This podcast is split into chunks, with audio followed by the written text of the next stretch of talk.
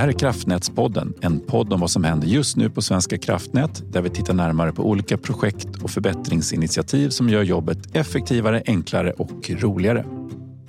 Välkomna! Jag heter Peter Wigert och är finansdirektör på Svenska kraftnät. I det här avsnittet ska vi tala om hur vi med kortsiktiga åtgärder höjer kapaciteten i det befintliga nätet och det är rejält dessutom. På Svenska kraftnät pågår arbetet för, för fullt med att fyrdubbla utbyggnaden av stamnätet och halvera ledtiderna. Detta är själva kärnan i verkets långsiktiga arbete. Men parallellt pågår också arbetet med kortsiktiga insatser, specifika åtgärder som höjer kapaciteten i befintliga ledningar här och nu. Det är åtgärder som både förenklar energiomställningen i det långa perspektivet och sparar pengar i det kortare perspektivet. Idag ska vi prata om summaallokering och mothandel riktig energieffektivisering i praktiken. Två personer som analyserat och räknat på kapacitetshöjande åtgärder både på längden och tvären är Mikaela Sjöqvist, elmarknadsutredare på elmarknad och Erik Ek, strategisk driftschef på Svenska kraftnät. Välkomna till Kraftnätspodden. Tack så mycket. Tackar. Mikaela, du är utredare specialiserad på elmarknaden. Berätta, vad går ditt arbete ut på? Eh, ja, jag arbetar på en enhet som heter transmission och elmarknad och vi arbetar med elmarknadsdesign för långsiktig prissäkring, dagen före handel samt intradagmarknaden. Eh, och vi jobbar även med transparensfrågor. Och det här innebär ju eftersom elmarknaden är europeisk att vi jobbar väldigt mycket med europeiska regelverk eller vår påverkas av vad som beslutas och försöker påverka vad som man kommer fram till europeiskt. Och Eh, vi jobbar också med, mycket med implementering av olika regelverk och olika metoder. Eh, ofta i samarbete med våra nordiska och europeiska motsvarigheter. Och jag jobbar mycket med frågor kopplat till kapacitet mm. och eh, det vill säga det utrymme som marknaden kan nyttja för att handla mellan elområden. Mm. Erik, dig ser vi ju i rollen som strategisk drift, driftchef prata väldigt mycket om våran drift och kapaciteter. Och vad gör, det, vad gör du ditt jobb rent praktiskt? Ja, det är, det är inte så mycket sådana grejer som jag gör rent praktiskt utan eh, vad jag gör det är att de förändringarna som vi ser framåt i nätet med att eh, produktionsmixen förändras, eh, flödena förändras, hur fort eh, vi kör från att köra från norr till söder ner till kontinenten och helt plötsligt nu som den här veckan har ändrat och vi får överskott på kontinenten och det går åt andra hållet. Eh, när man vet om de här förändringarna som, är, som vi är mitt uppe i nu och ser de förändringar som kommer, då behöver vi ha andra verktyg. Eh, och det är för balansering, det är för kapacitetsberäkning och det här är någonting som inte bara Sverige står inför utan det gör vi ju i hela Europa och kanske i hela världen. Men vi sitter tillsammans i Norden eh, och vi är synkront kopplade. Frekvensen är densamma. Så för balanseringsdelar så måste vi hitta lösningar tillsammans. Och för kapaciteter så behöver vi ha metoder i Norden för att vi ska få så stor nytta som möjligt för elmarknaden. Och för den typ av områden sitter jag med och hjälper organisationen att styra hur de här verktygen som vi behöver eller metoder som vi behöver utveckla i praktiken verkligen ska kunna fungera så att vi får en bra elförsörjning, en trygghet och eh, eh, konkurrenskraftiga priser på elmarknaden. Mm. Men mothandel, vad är det egentligen? Vem vill eh, berätta? Jag kan börja så kan du mm. komplettera Erik. Men mm. mothandel enkelt sett, det betyder att vi handlar då i motsatt riktning som handelsutfallet var. Mm. Eh, så det är ett sätt att hantera då förväntade eller överlaster eller flaskhalsar i transmissionsnätet. Och då kan vi alltså hantera ett handelsutfall som inte var fysiskt realiserbart. Och det här kan man ju då göra kanske för att det uppstod ett fel någonstans som vi inte hade räknat med eller i syfte att kunna höja kapaciteterna för man vet att i drifttimmen så kommer det finnas resurser som vi kan mm. ta tillvara på eller som vi kan avropa som kan hjälpa oss att hantera det här och att man har sett då att det finns en nytta. Eh. Så det innebär att då köper vi i ett högprisområde och säljer i ett lågprisområde? Precis. Mm, och det är mothandel. Men, men ger mothandel lägre priser? Alltså höjer man, om vi kan tillgängliggöra mer kapacitet för marknaden så får man oftast eh, mindre prisskillnader. Mm. Så Men det är på. inte handeln i sig som, som förändrar priserna för de- den här handeln är inte med på dagen före marknaden. Nej, men precis. Det här, är, det här får du göra efter att du har fått ditt marknadsutfall och sett då att vi, vi behöver göra någonting för att det här ska bli fysiskt realiserbart. Det som har varit bra, det har ju varit att vi kontinuerligt har kört. Vi har haft en elanläggning som har varit beredd att starta om vi skulle ha fått överlaster.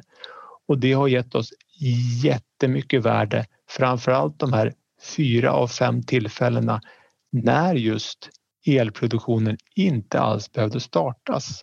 Och det är ju lite märkligt att den har gjort, vi har köpt upp en, en anläggning som framförallt ger värde när den inte körs.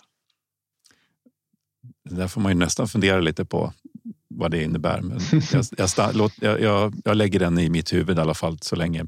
Går det att säga något eh, om hur mycket kapacitet som har kunnat tillgängliggöras marknaden genom att ha de här mothandelsresurserna beredda? Ja, absolut. Vi har, eh, det har vi förstås följt upp hela tiden och mellan 100 och 200 megawatt extra. Att tillföra 100 till 200 megawatt i, i snitt två går det att säga någonting om vilka effekter det har lett till?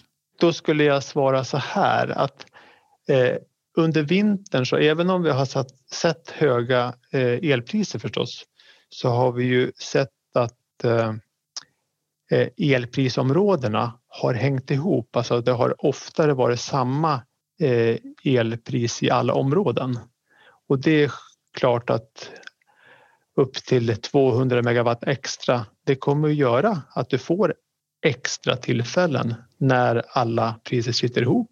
Och om vi får split så har prissplitten varit lägre än vad den annars skulle ha varit. Så det har ju varit jättepositivt. Då kan vi sluta med, med slutsatsen att mothandel är bra, men den ska användas i de tillfällen där det verkligen kan ge konkret eh, faktisk överföring mellan två områden och inte någon form av eh, chimär i överföring.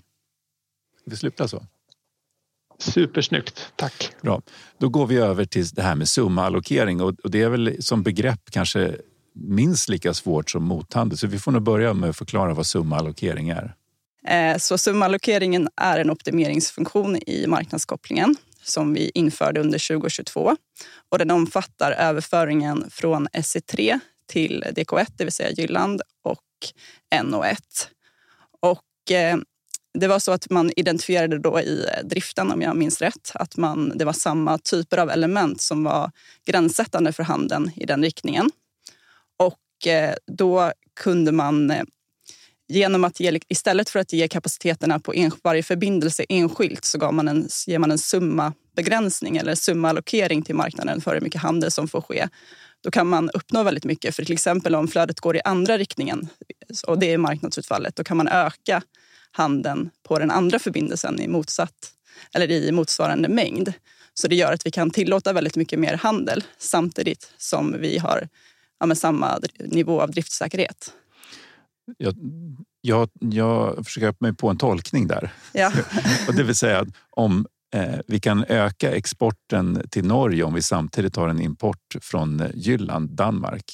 Precis. Eh, annars hade vi begränsat exporten till Norge Eh, och så hade utfallet ändå blivit att vi hade importerat från, från Danmark. Ja, precis. Vi måste ju varje, varje, för varje timme så lämnar vi ju kapaciteter till marknaden utifrån driftsäkerhetsperspektiv. Och vi vet ju inte exakt hur utfallet kommer bli.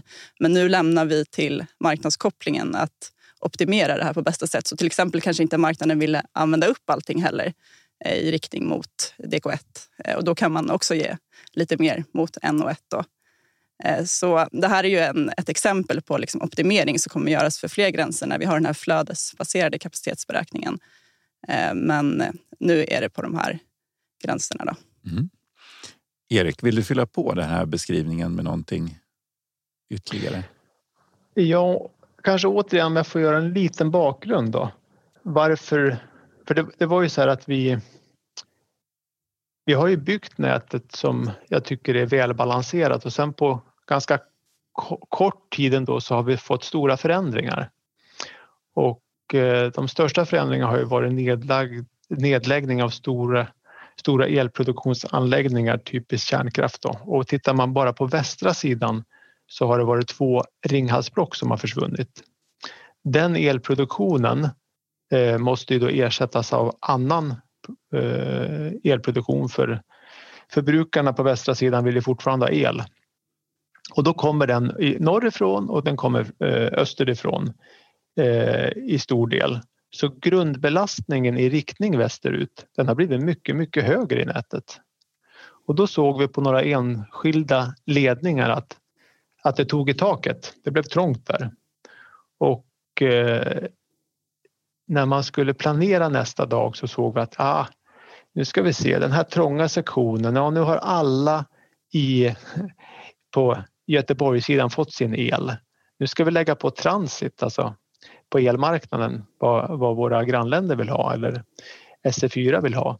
Och när vi lägger på det så såg vi att ah, då kan vi bara ge 1000 megawatt till som kan gå västerut.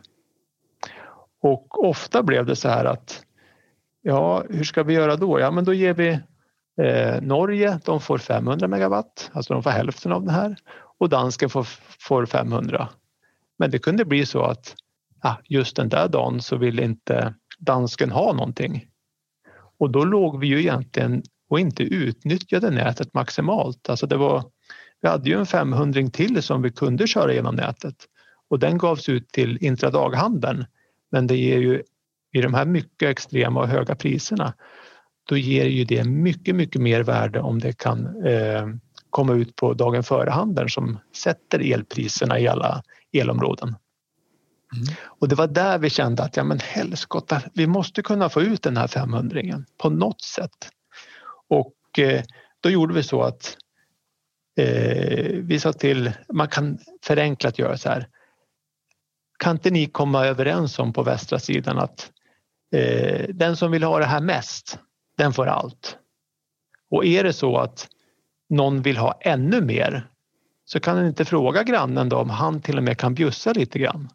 Det är ungefär som om man sitter och, och, skulle fika med två av sina bästa kompisar men har man gjort kaffe så räcker det bara, jag har bara en, en halv kopp totalt. Ja, men då ska vi se, vill båda ha kaffe? Nej, då säger den ena, nej men jag vill inte ha. Ja, men då räcker det precis. Eh, då får du eh, den, en halv kopp kaffe här. Ja, då blir den ena nöjd för han vill ju inte ha och den andra blir halvnöjd. Men han har ändå fått allt som har kunnat exporteras eller mm, mm. som jag har kunnat fylla på. Men då visar det sig med, med den här sumallokeringen skulle man säga så att tror du inte att den här grannen som jag bjöd in har tagit med en, en termos med kaffe. Han själv vill inte ha och han vill gärna bli av med den. Ja, då rycker han upp den där eh, termosen med kaffe på andra sidan bordet och serverar den grannen som var så kaffesugen. Och så säger han, men vet du vad? Jag har en, eh, jag har en halv kopp här. Om vi kör in den från min termos och så fyller jag på dig eh, din kopp, ja då har jag ju en full mugg till dig. Så plötsligt så har jag ju två glada grannar som sitter och dricker kaffe och, och den som inte ville ha, han fick lite te av mig istället. Ungefär så enkelt blev lösningen. Ja, det låter ju väldigt enkelt förklarat. Det var en jättebra beskrivning, Erik. Tack. Ehm, kan vi säga några ord om, om själva arbetssättet för att få det här att bli verklighet? Om det är några speciella insatser eller åtgärder som ni eh, gjorde för att få det här igång? Det var ju ändå, det är ändå en liten specialare. Ja, det var väl ett eh, SVK-internt projekt men eftersom det här rör då marknadskopplingen för dagen före handeln och det påverkar också våra grannländer så fanns det också såklart en, en diskussion framförallt med Energinet och eh, Statnet men eh, även liksom i alla börser och eh TSO i, i, inom den eller marknadskopplingen för dagen före handeln då, eftersom mm. man var tvungen att få, eller liksom få alla att prioritera att vi införde det här. Eh, men på SVK specifikt så hade vi ett projekt eh, som eh, dels tittade på ja, men de delarna och marknadsdialog kring inför att det här skulle införas och även liksom att förbereda så att vi när det väl kom in i marknadskopplingen att, vi, att våra system fungerade och vi visste vad som skulle hända. Mm.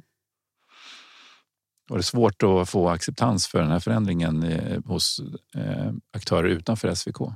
Jag skulle säga att det var väldigt positiva svar i konsultationen och sådär. Man ville, man ville få mer kapacitet. Mm. Och, Eh, det här var ju ett, ett sätt vi hade. Jag tror även de såg att det fanns en god potential att det här skulle leda till att man skulle få mer handelskapacitet helt enkelt. Mm. Vill du fylla på Erik? Ja, alltså det var ju väldigt roligt arbete. Mm, vi satte igång, eh, dels så var den här yttre delen som, som Mikaela berättade om, men den inre delen när man ser att oj, titta vilken potential eh, det finns i det här. Så det var jättemycket energi. Eh, det, och det var ju allt ifrån att vi ska införa det i eh, det europeiska systemet, i Eufemia, eh, som det heter. Så att det gäller ju att få en prioritet att faktiskt ta in den här speciallösningen på väldigt kort tid. Sen behöver vi ha egna verktyg förstås. Eh, vi behövde ha det i ett system som heter Noise. Eh, så att det var flera förändringar som man behövde göra och vi satte ihop ett team eh, och ja, det blev som lite pulsmöten och det blev tryck i förändringar och ja, det blev väldigt lyckat. Mm. Och på kort tid så liksom att, att Eh, nå den här framgången är ju superkul. Och eh, det blev också en lösning som även om den pressades fram eh, så gav det också nytta i kontrollrummet. Vi pratade om den här mothandelshistorien så hur ska man, hur ska man vara säker på att man inte tar för stor risk? Genom att införa just den här sumallokeringen så kunde man både optimera att man kunde köra ut så mycket som möjligt västerut Eh, men vi, hade, vi skapade också en bättre kontroll så genom att säga att ja, men nu vet vi att troligtvis kommer det gå låt oss säga 1000 megawatt västerut. Då kunde man titta på de olika flödena för då är, och, och ta andra antaganden eftersom den där var i princip en, en säker hantering av det västliga eh, flödet. Så det var en stor hjälp också eh, operativt för kontrollrummet. Även om det blev en speciallösning så har det bidragit med med eh, stabilitet och bättre kontroll. Vilka nyttor har det här skapat då för, för kraftsystemet och för Sverige? Ja, jag nämnde lite kort om kontrollen och att vi bättre kan köra systemet genom det här. Eh, men det är en operativ del. Men sen om man verkligen tittar, det var så otroligt bra timing den som den här kom in. Eh, om ni minns innan, om den kom in första april 2022. 2022. Mm. Och sen så kom den här energikrisen. Och om ni minns hur det var runt sommaren där, då började Norge säga Alltså det var ju politiker där som sa att nej, vi kommer inte att exportera en droppe. För det här, vi har så lite vatten i våra magasin och vi ska ha allting för oss själva. Lite grann den stämningen var. Det var flera länder som, som hade den eh, eh, svansföringen från politiskt håll. Och vad vi lyckades med här, det var ju att från att ha gett Hassle kanske 500 megawatt av de här 1000 totalt som vi hade västerut, 500, så fick de ju även den del som Danmark skulle haft. Så då har de plötsligt 1000. Men ofta så gick ju kraften från Danmark in till Sverige och vidare ut till Norge. Så vi har ju mer än tredubblat den kapacitet som vi kunde köra in till områdena som hade mycket låg, eh, låga nivåer på vattenreservoarerna. Alltså det är så perfekt timing så att det inte är klokt. Eh, och, och, det är klart att ja, ja, kan någon sucka, nu har vi någon lösning som bara Norge har nytta av. Det där var väl inte så bra. Men elmarknaden sitter ihop.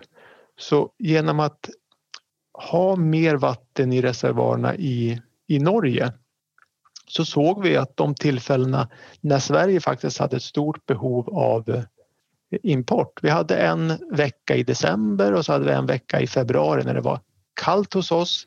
Vi hade eh, kärnkraftsproduktion som stod still och vid just de tillfällena så hade vi möjlighet att få maximal import. Jag tror vi slog, eh, vi slog eh, rekord i vilken import vi eh, kunde få in. Så att eh, man kan tänka sig att ja, men det där var bara en liten lösning. Men den har gjort otroligt stor skillnad i den situation som vi hade eh, inför och under vintern. Och sen har vi faktiskt gjort så att vi har, eh, eh jag har vi beställt en analys av nyttovärdena lite grann för, för vad den har skapat för elmarknadsnytta för, eh, för det här året som den har varit i drift. Och den fick jag bara tillbaka bara för en vecka sedan. Tänkte jag, men det här kan vara kul. Undrar om inte Peter kommer att ställa någon sån här fråga. Ja, vad, vad ger det här? Vad, vad blev det då för nytta? Två miljarder. Två miljarder i elmarknadsnytta. Smaka på den du. Mm. Det är ju mycket imponerande på ett år. Ja, det, ja, ja det, det, och då är det elmarknadsnytta, både produktionsnytta, konsumtionsnytta och den totala för, för, för hela Europa. Mm. Eh, men det, det, är ju fantastiskt bra åt en sån här smart lösning då som, som eh, vi lyckades implementera på kort tid och med perfekt timing. Mm. Ja, det, var, det är jättekul. tycker vi ska vara jättestolta över. Så ett stort tack för, till alla som har varit inblandade i det. I basindustrin, transportsektorn och inte minst de svenska hushållen pågår energieffektiviseringen och energiomställningen till el samtidigt. På 25 år ska elanvändningen dubblas samtidigt som utbyggnaden av stamnätet ska fyrdubblas i volym kronor. Svenska kraftnäts svar på energieffektiviseringen stavas höjd kapacitet enligt principen många bäckar små. Med sumallokering, mothandel och andra tekniska lösningar höjer vi inte bara kapaciteten, vi får ut mer el, sparar energi och minskar kostnaderna. Eh, tack så mycket Erik Ek och Mikaela Sjökvist för att ni var med och berättade hur det här har gått till. Ni ska snart bli utsläppta ur studion, men först en klurig fråga. Ni jobbar ju med siffror båda två och eh, misstänker att ni gillar att mangla siffror. Så har ni någon aning om hur många procent av Sveriges befolkning som bor i elområde 3 och 4? Låter Mikaela börja. Ja, det har jag nog inte på rak... Eller ja, jag har väl en känsla kanske att mm. det bor lite fler i elområde 3 och 4. Men jag tror jag läste att det är ungefär 4 miljoner hushåll som fick elstöd i omgång ett. Mm. Och jag tänker att det kanske är lite knappt två personer per hushåll och då borde det landa i runt 70 procent. Ja. Erik, vad, vad, vad, är din take på det här? Jag har ju hört talas om att det, att det bor folk i norra Sverige också. Eh, så att... Eh, men tittar jag om jag tittar i kontrollrummet och hur förbrukningen ser ut så är det ju jättemycket i södra Sverige. Jag skulle, så jag är lite järvare om jag skulle titta på förbrukningssiffrorna. Men eh, nu är det ju, du tänker bara på antal. Jag gissar på 80 procent. Mm. Om det är förbrukning så är det 80. Mm. Ni ligger ju oh. väldigt nära, men det är faktiskt ännu fler som bor i elområde 3 och 4. 89 procent av Sveriges befolkning. Nu har vi tagit med oss det. Stort tack för att ni lyssnade och vi återkommer snart med ett nytt avsnitt av Kraftnätspodden. Har du frågor, synpunkter eller tips på ämnen som vi borde ta upp i podden? Maila gärna till redaktionen. E-postadressen är kraftnadspodden svk.se. Tack för idag. Tack så mycket. Tackar.